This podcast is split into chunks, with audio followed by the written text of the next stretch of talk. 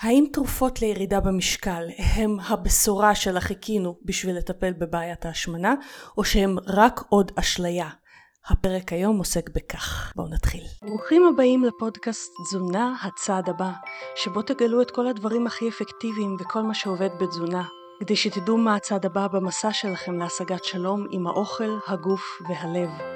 אני רותי פינק, דיאטנית קלינית ומטפלת רגשית, המדריכה שלכם במסע הזה של להחזיר את האוכל להיות פשוט אוכל, ועל הדרך להשיג את השליטה שתמיד הרגשנו שאנחנו יכולים להשיג מולו. אחרי שראיתי כמה השיטות הקונבנציונליות לשינוי תזונתי לא עובדות עבורי ועבור המטופלים שלי, יצאתי למסע לדייק ולשפר את ההישגים של מטופליי, ואת הידע הזה אני חולקת איתכם כאן. אני בעלת קליניקה אונליין שעוזרת לאנשים מכל קצוות הארץ מרצה ומדריכה דיאטנים ומטפלים, ודיאטנית שחושבת בעיקר מחוץ לקופסה. הדבר החשוב ביותר עבורי הוא לעזור לאנשים לשחרר את עצמם מהכבלים המיותרים באכילה ובחשיבה שלהם, שעוצרים אותם מלהגיע לשינוי שהם באמת מחפשים, וזאת תוך כדי השגת המטרות הבריאותיות והתזונתיות שלכם. ועכשיו לפרק. היי חברים, רותי כאן, אני ממש שמחה לחזור לשדר לכם. לקחתי הפסקה ארוכה ובכנות אני אגיד לכם, אחד הדברים שממש חשוב לי שהפודקאסט הזה ייתן מעבר לידע, זה את האותנטיות ואת השינוי חשיבה האפשרי. ושינוי חשיבה לא נובע משינוי מחשבה, אלא הרבה פעמים הוא נובע מאיזשהו הדהוד בלב שמשתנה. והרגשתי שאני פשוט לא במקום הנכון מבחינת הדהוד בלב. ועכשיו אני מרגישה שחזרתי למקום האותנטי הזה עם ההדהוד לב הנכון. בשביל לתת לכם עוד פרקים. הפרקים יצאו אחת לשבועיים, אני רואה שאני לא מצליחה לעמוד בכמות כרגע יותר תדירה מזה. אם אני אצליח, בכיף. עדכון קצרצר של uh, מה היה בחודשים האחרונים. הפכתי מרותי פינק, שיטת רותי פינק, למרכז פינק, שזה מרכז עם דיאטניות מוסמכות שעובדות בשיטה שלי. והמטרה שלנו היא לעזור לכם לשחרר משקל מיותר, אכילה רגשית, אכילה כפייתית, בעזרת תזונה דלת פחמימות, צום לסורגין, טיפול רגשי מעמיק, אצלי ואצל הצוות המקצועי שלי. יש לינק בפרטים של הפודקאסט, אתם ממלאים שאלון, ודיאטנית של המרכז חוזרת אליכם, דיאטנית שעובדת בשיטה שלי, עם כל הפרטים שאתם צריכים לדעת. והיום אנחנו עוסקים באחד הנושאים שנשאלתי עליו המון, ורציתי ככה לאסוף מידע, לאסוף גם ניסיון טיפולי מספק, כדי לתת לכם את הפודקאסט הזה גם עם נקודת מבט קלינית וגם עם נקודת מבט מחקרית טובה. אנחנו הולכים לדבר היום על תרופות לירידה במשקל. מראש אני אומרת, אין לי שום קשר עם החברות שהתרופות האלה מופקות אצלהם. לא קיבלתי מעולם שום מימון מהן, אז uh, אני באמת מדברת מהמקום המחקרי ומהמקום של הניסיון הקליני שלנו במרכז. אנחנו נדבר היום האם התרופות האלה עובדות, האם הן עוזרות, האם הן שוות את ההשקעה, כי זה כן השקעה, ובסוף אני אספר לכם מה דעתי על זה ועם מה אתם בעצם יכולים לצאת ברמה הפרקטית. אז בואו נתחיל. בואו נדבר קודם כל איזה תרופות קיימות כיום בישראל. הראשונה זה קסניקל. קסניקל היא תרופה ותיקה, היא בולמת ספיגה של שומן שאנחנו אוכלים, ובצורה הזאת אנחנו בעצם סופגים פחות שומן וסופגים פחות קלוריות. השימוש בקסניקל הולך ויורד עם הזמן בגלל שיש לה תופעת לוואי מאוד לא נעימה והיא שלשולים. כשאנחנו לא סופגים טוב שומן, הוא יוצא דרך מערכת העיכול. בשלשולים מאוד מאוד אה, לא נעימים שקשה לשלוט בהם הרבה פעמים. אז קסניקל הולכת ויורדת מהמדפים, אם כי יש לה חסידים כמובן גם מבחינת אלה שזה עוזר להם לפחות לזמן מה, גם מבחינת רופאים. השנייה היא רזין.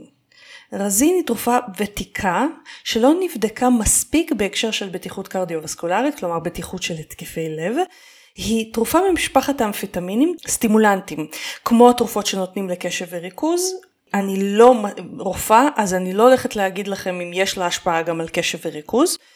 אבל אמפטמין כן ניתן בעבר, או רזין, סוג האמפטמין הזה, ניתן בעבר ומדי פעם משתמשים בו גם כיום כתוספת לטיפול להרזייה. אם כי שוב יש לו תופעות לוואי רבות, אז זה משהו שפחות מדברים עליו כיום כשמדברים על טיפול לירידה במשקל. ואנחנו מגיעים לשתי התרופות שזכו למרב תשומת הלב בשנים האחרונות בהקשר של ירידה במשקל, והם מה שנקרא אופרה אחרת לגמרי ממה שהיה עד עכשיו, שזה הסקסנדה, האוזמפיק והוויגובי שבדרך לארץ. שלושת התרופות האלה הם מסוג חומר שנקרא GLP-1 או דמוי GLP-1 וסקסנדה בפועל בארץ כרגע היא היחידה שמותווית לטיפול להשמנה וגם קיימת. זו תרופה שניתנת בזריקה אחת ליום, עדיף בבוקר, והיא עובדת בדרך כלל לכ-13 שעות שבהם היא מדכאת תיאבון.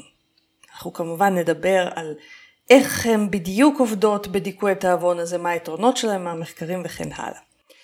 אוזמפיק זה גם תרופה מסוג GLP-1.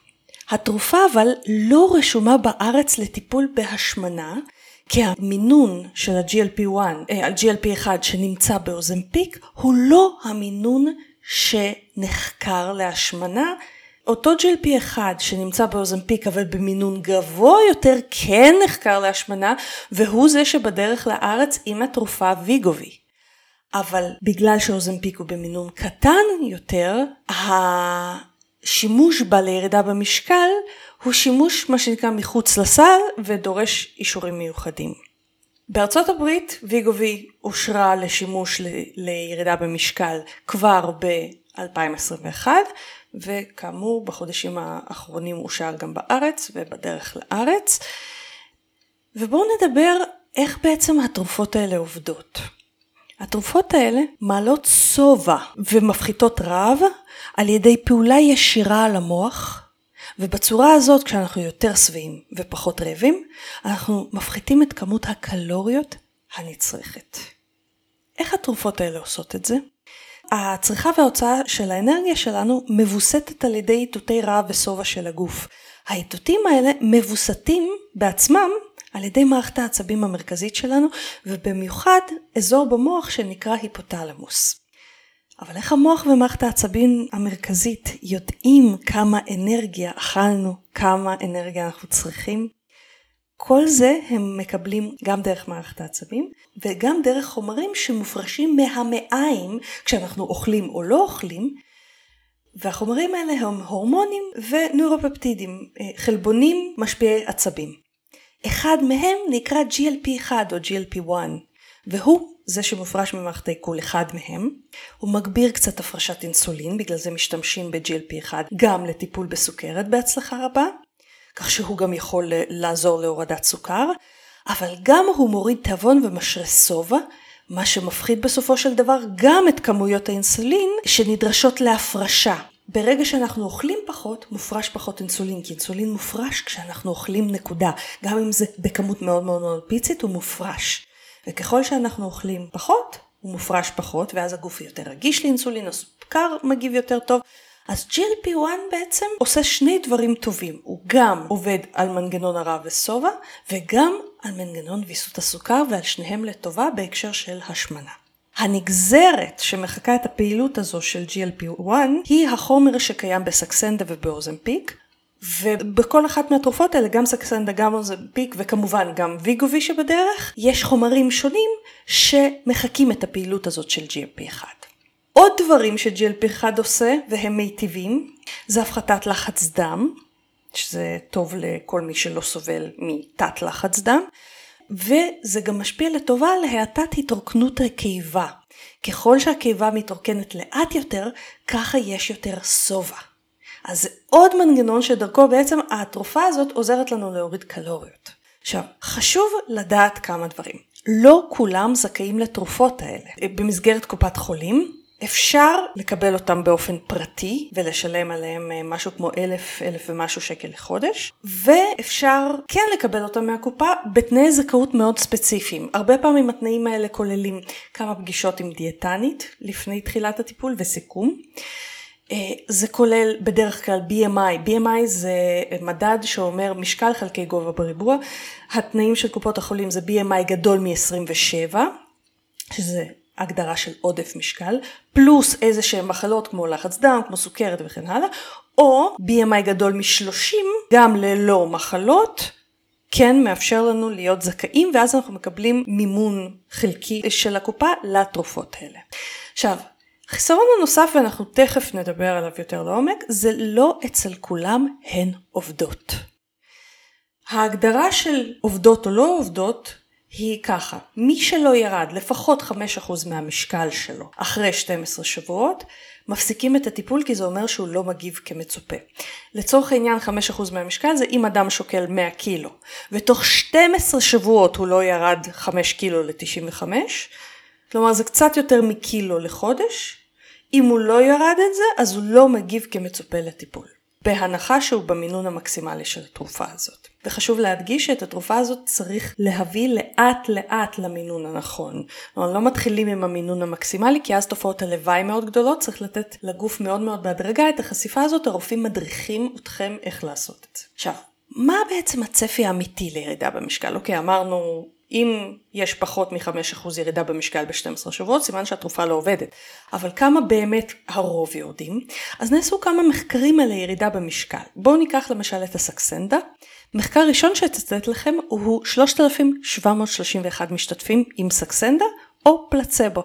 פלצבו זה תרופה שבה אנחנו לוקחים משהו שלא פעיל בכלל פיזית. זה כדי למנוע השפעה פסיכולוגית, כי הרבה פעמים יש מצב שבו אנחנו מעצם לקיחת התרופה, זה נקרא אפקט הפלצבו, מעצם לקיחת התרופה הרבה פעמים יכול להיות מצב שיהיה השפעה, אבל ההשפעה הזאת היא לא בגלל התרופה, אלא בגלל האפקט הפסיכולוגי של התרופה.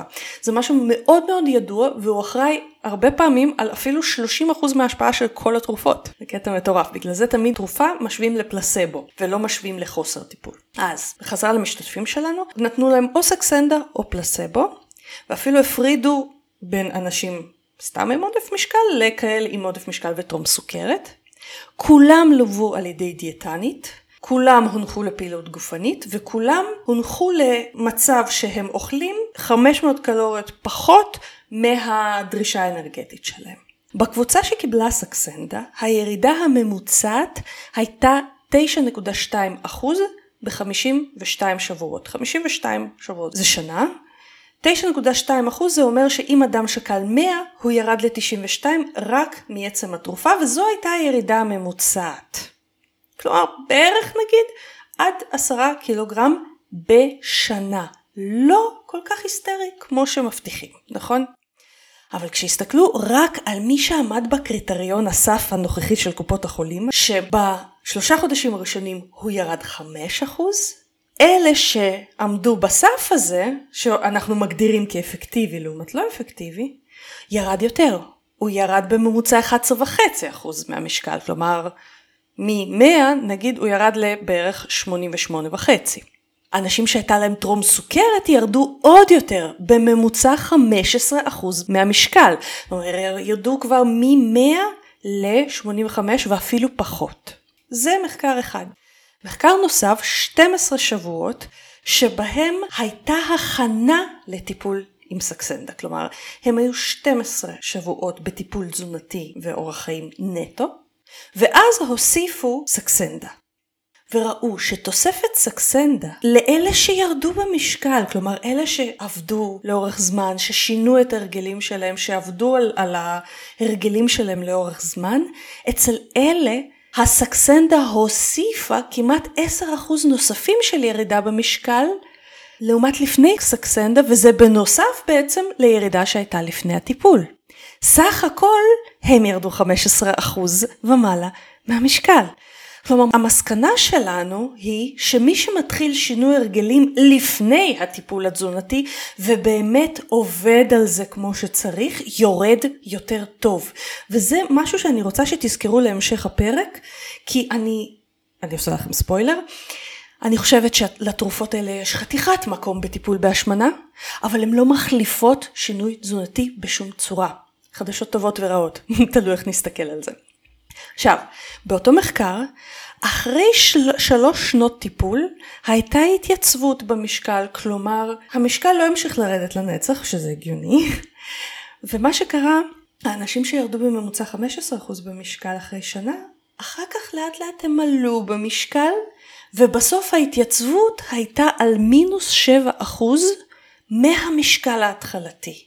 כלומר, אדם ששקל 100 קילו, או שקלה, עשתה 12 שבועות של שינוי תזונתי, ירדה את מה שירדה, יותר מ-5% מהמשקל, נגיד שקלה 94, סתם דוגמה, ואז הוסיפו לה סקסנדה, היא ירדה עוד, נגיד הגיעה ל-84 קילו, 85, והיא המשיכה לקחת כל השלוש שנים האלה סקסנדה, ואז אחרי שלוש שנים כשבדקו כמה היא שוקלת, היא לא חזרה למאה, אבל היא לא נשארה ב-84-85 האלה. כלומר ההשפעה יורדת לאורך זמן עד שהיא מתייצבת. באוזמפיק פלוס מינוס נמצאו אותם מספרים אחרי מעקב ארוך טווח.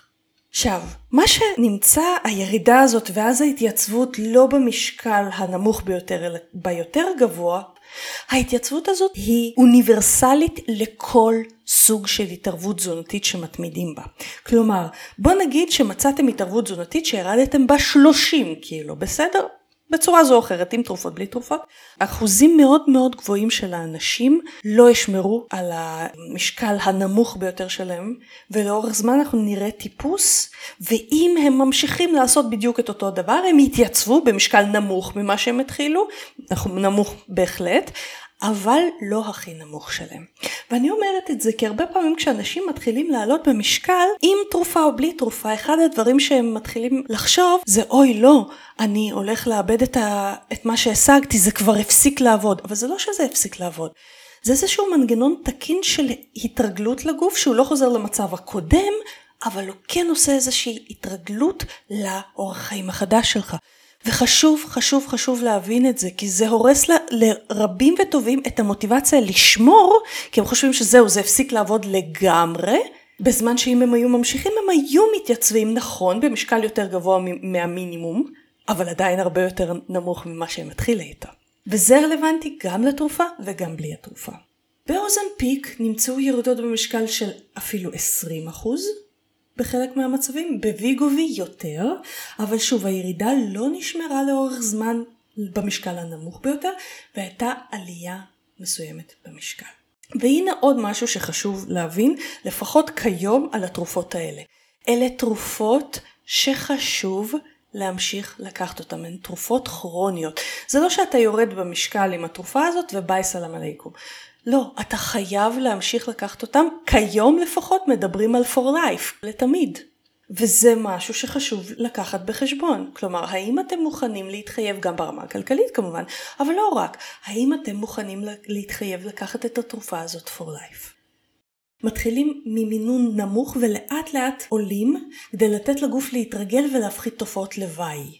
אנחנו רוצים מינון מינימלי לפעולה אם מינון נמוך עושה להם, לכם את העבודה, אתם לא צריכים להמשיך לעלות בתרופה הזאת. מה קורה כשמפסיקים את התרופה? אז במחקר ההוא שדיברתי איתכם עליו, בסקסנדה אחרי שלוש שנים הפסיקו את התרופה ועקבו עוד שלושה חודשים אחרי המשתתפים. וראו עלייה במשקל, עדיין לא לגמרי עד הסוף, אבל הייתה עוד, כלומר, בפועל אחרי שהם סיימו את כל התהליך הזה ירדו במשקל, למינימום. אחר כך עלו והתייצבו למשהו כזה באמצע בין המינימום למקסימום שהם היו בו, ואחר כך הפסיקו. ההפרש הממוצע בין ההתחלה של המחקר לבין הסוף והפסקת הסקסנדה ואחרי שלושה חודשים שהם הפסיקו את הסקסנדה, ההפרש הממוצע היה שני קילו, אה, סליחה, שני אחוז פחות במשקל, שזה די קטן, מ-100 ל-98. כלומר, ככל הידוע לנו היום, זו תרופה שאמורה להיות כרונית, כל התרופות של נגזרת GLP-1. אז זה אחד החסרונות של התרופה הזאת. אנחנו נדבר על עוד חסרונות בהמשך, כי כמו שאתם יודעים, אין תרופה שהיא נטולה חסרונות. עכשיו, היתרון של התרופה הזאת, ככל שאני רואה את זה, זה שברגע שהתחלתם לעשות איזשהו שינוי תזונתי, קל יותר להתמיד בשינוי הזה עם התרופה הזאת. למשל, התרופה הזאת לא מפסיקה אכילה רגשית, אבל אפילו בתוך אכילה רגשית, כשאתם אוכלים רגשית אתם לא מסוגלים לאכול כמויות כאלה כמו שאכלתם לפני זה. אז זה איכשהו עוזר, אבל זה לא משהו שאפשר להסתמך עליו לאורך זמן, ואנחנו נדבר על זה. חשוב להבין, בהחלט קל יותר להתמיד בשינוי תזונתי כשאנחנו עם התרופה הזאת. הסיבה לכך היא שעם התרופה הזאת, ברגע שהתיאבון יורד, מה שקורה זה שגם אם אנחנו נגיד אוכלים רגשית, גם אם אנחנו מתגרים ומתפתים ממשהו, אנחנו לא מסוגלים לאכול ממנו את הכמות שאכלנו ממנו לפני זה. אבל שימו לב, כל סוג של אוכל שאנחנו אוכלים כשהגוף לא רעב הוא עודף קלורי. ולכן בטווח הארוך חלק מהסיבות שיכולות לגרום לעלייה משמעותית במשקל גם אם אנחנו עם התרופה הזאת או בכלל למנוע מהתרופה לעבוד זה בדיוק חוסר הקשיבות הזאת שמראש לא עבדנו עליה לסימני הגוף ורוב הדיאטות אגב לא מלמדות את זה. זה הדגש הראשון שלנו במרכז פינק. הלמידה הזאת של הסימנים האינטרינסיים הפנימיים של רעב ושובע ואז ברגע שאתם מכניסים על זה תרופה יש לזה אפקט אחר לגמרי, הרבה פעמים זה מזיז גם אנשים שהיו תקועים בעבר במשקל ובאים אלינו ולמדו את הסימנים האלה ואת הקשיבות הזאת שרוב האנשים לא מכירים לגוף, מצליחים לזוז הרבה יותר במשקל. אז בואו נדבר קצת על החסרונות ותופעות הלוואי בתרופות האלה. אז קודם כל לתרופות האלה יש אינטראקציה עם תרופות נוספות, כמו אינטראקציה עם תרופות לסוכרת, קרישיות בדם, הן יכולות לגרום לנפילות סוכר ביחד עם תרופות אחרות, אז זה משהו שהרופא שם לב אליו, ולא לכולם מותר לקחת את התרופות האלה. דבר שני, זה תופעות הלוואי. יש תופעות לוואי לתרופות האלה. בחילה, שלשולים, עצירות, הקאות, עייפות, תסלחו לי גרפסים או טעם מתכתי בפה. זה תופעות לוואי, לא אצל כולם הן מופיעות, אבל אצל הרוב יש איזה שהן תופעות לוואי, הכי נפוץ זה בחילה. וחשוב להבין, הבחילה היא לא הסיבה לירידה במשקל, היא סתם תופעות לוואי. כלומר, גם כשהיא נעלמת זה לא אומר שהתרופה הפסיקה להשפיע. תופעות הלוואי רובן עוברות לבד תוך ארבע שבועות, אבל יש גם הרבה מה לעשות כדי להפחית את הסבל מתופעות הלוואי האלה, וזה משהו שדיאטניות מתמחות בו, גם בין היתר במרכז שלנו. כל דיאטנית שיש לה ניסיון עם עבודה עם התרופות האלה, מתמחה ויכולה לעזור לכם להפחית את תופעות הלוואי האלה, או להקל עליהן, עד שהן ייעלמו מעצמם. אצל הרוב הם עוברים מעצמם, אצל חלק לא. עכשיו, השינוי בהרגשת הרעב, השינוי המשמעותי ביותר, קורה בחודשיים הראשונים. אנשים חווים מין ירח דבש כזה של וואו, אוכל פחות מעניין אותי, איזה כיף, וככה זה יהיה. ואני לא צריך להתעסק בכלל עם הטיפול התזונתי, עם הטיפול שמונע ממני לאכול מעבר לשובע, כי הנה התרופה עושה את העבודה בשבילי. אבל אחרי משהו כמו 1-2 חודשים, חוזרים להרגיש את הרעב, והרבה פעמים אנשים נבהלים מזה. או לא, התרופה הפסיקה לעבוד, אני עכשיו אשמין. אבל לא, זו בדיוק הסיבה לכך שחשוב להמשיך טיפול תזונתי שמלמד קשב לרעב ושובע, שמפחית את כל הרעש, אני קוראת לו, של אכילה שלא מסימני הגוף, הרעש של אכילה מאוטומטים, אכילה מרגשות כמו שעמום, כמו תסכול, כמו רצון להתפנק וכן הלאה. כל הרעש הזה, ברגע שאנחנו ממשיכים לעבוד עליו, או מראש באנו ועבדנו עליו לפני התרופה, ברגע שתחושת הרעב חוזרת, הרבה יותר פשוט להקשיב לה, וזה מייעל את האפקטיביות של התרופה. וזה גם הסיבה שאחת הטעויות הנפוצות יותר של אנשים היא להימנע מטיפול תזונתי בגלל שהם על התרופה, או להפסיק את הטיפול התזונתי בגלל שהם על התרופה. כי מה שהיה קשה לפני התרופה יחזור להיות קשה עם התרופה. אולי פשוט קצת פחות קשה. אם לא עבדנו עליו. המטרה שלנו במרכז פינק היא לעשות את זה באמת פחות קשה, בצורה שהיא כבר אוטומטית לכם. ותרופה בהחלט יכולה לעזור בזה, אבל היא לא גלולת פלא. הלוואי והיה לנו אחת כזאת. עכשיו, אני אתן לכם שתי דוגמאות. היה לי מטופל שלא רצה לעשות את הטיפול הרגשי מסיבות שלא, בין היתר כי הוא לא היה פנוי לזה רגשית. כשאני מדברת על טיפול רגשי זה לא חפירות אל תוך הילדות עם האבא וטראומות. אני מדברת על טיפול רגשי ברמה אפילו ההתנהגותית יותר. כלומר, מחשבות שגורמות לו לאכול, אמונות שגורמות לו לאכול, כמו אני חייב לאכול לפני השינה, סתם דוגמה, אוקיי? זה גם טיפול רגשי, הוא לא חופר באם אימא של הצורה, אבל זה עדיין טיפול רגשי. אז היה לי מטופל שלא היה פנוי לזה, באמת היה לו עומס יוצא דופן בחיים. הוא אמר, אוקיי, אני הולך להיעזר בתרופה. הוא הגיע לאחרי שלושה חודשים כי הוא הפסיק את הטיפול כי לא היה לו, בקושי היה לו זמן לחיים שלו, אז הוא אמר, אוקיי, אין לי כוח לזה, אין לי זמן לזה, אני אפסיק את הטיפול התזונתי. אמרתי לו, תקשיב, לא בטוח שזה יעבוד לאורך זמן. אחרי שלושה חודשים הוא חזר לטיפול תזונתי. מה שקרה, בהתחלה הוא ירד במשקל, בחודש הראשון, אחרי בערך חודש, חודש וחצי, המשקל התחיל לעלות בחזרה. למה? כל השורש לא עובד שם. ואז הוא כבר חזר עם מוטיבציה אחרת ועם ההבנה שאין ברירה. אם הוא רוצה אי פעם לעזור לגוף שלו להרגיש בנוח, הוא חייב לעשות את הטיפול הרגשי הזה, והוא שם אותו בסדרי עדיפויות, וכיום הוא 12 קילו פחות כבר. עם אותה תרופה, כל השינוי היה שהתרופה עכשיו עזרה לו לדייק את מה שממילא עבדנו עליו, אבל כמו שאמרנו, לא פתרה את זה בלי לעבוד עליו. זו דוגמה אחת. דוגמה שנייה של מטופלת שהגיעה אליי לטיפול והיא רצתה להימנע בכל מחיר מהתרופה. וזו מטופלת שבעבר ניסה, ניסתה את שתי התרופות, גם אוזנפיק וגם סקסנדה, לירידה במשקל ללא תוצאות בכלל. עבדנו במשך יותר משנה על הרגלי התזונה שלה, אבל בעיקר על הרגלי החשיבה שלה. והיא ירדה קצת במשקל והיא הייתה מאוד מאוד מאוכזבת מזה, אבל אמרתי לה, תקשיבי, ברגע שאת תנסי עוד פעם את התרופה הזאת, את תראי שילך לך בצורה שונה לגמרי. ואכן, בסוף היא אמרה, אוקיי, אני אתן לתרופה עוד ניסיון, והיא הלכה על אחת מהתרופות, וכיום היא 13 קילו פחות.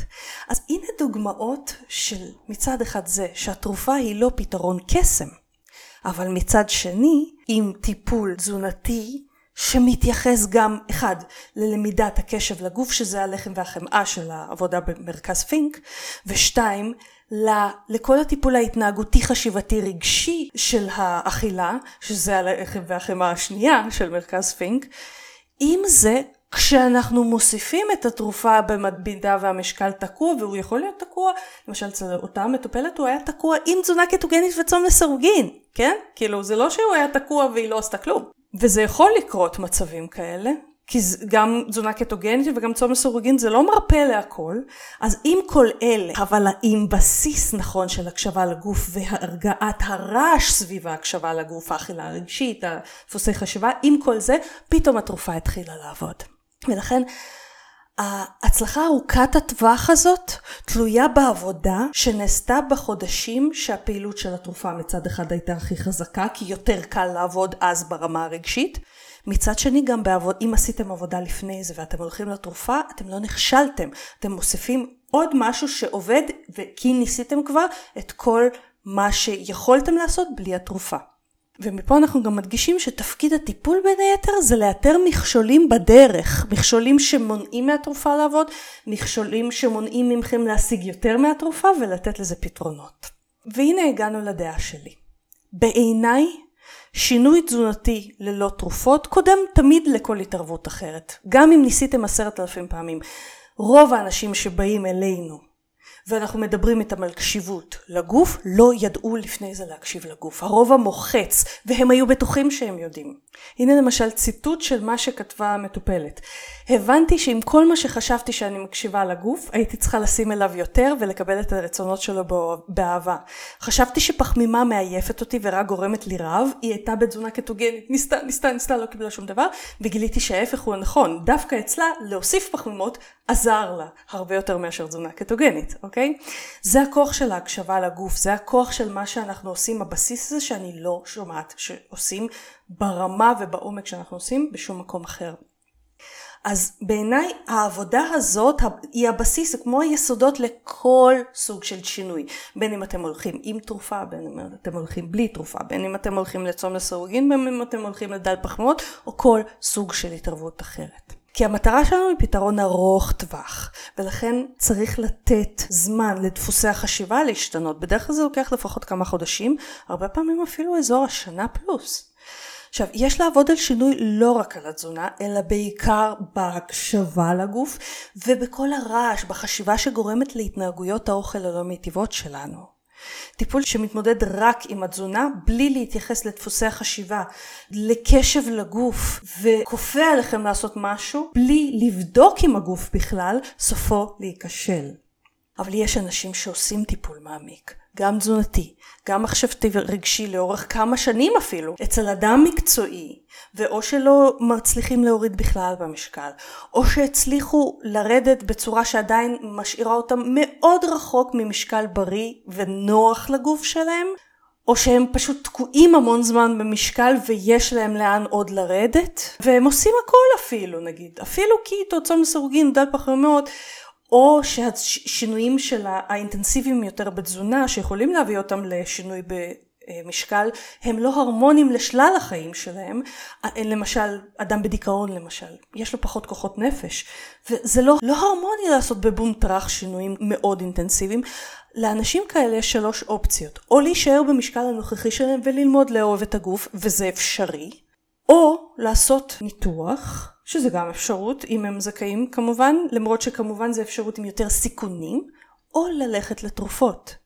ואז מגיעה המחשבה של הרבה מאוד מהאנשים שמונעת מהם להיעזר בתרופות כשבאמת הן יכולות לעזור להם ושתדעו שאנחנו במרכז פינק כשאנחנו רואים שתרופה יכולה לעזור אנחנו אומרים אולי תשקול את התרופה הזאת תדבר עם הרופא שלך אם הוא חושב שזה יכול לעזור כי אנחנו לא נגד אנחנו לא דוחפים את התרופה אבל כשאנחנו מגיעים לאיזשהו סף, גם בתזונה קטוגנית, צום מסורגין וכן הלאה, זה יכול להגיע.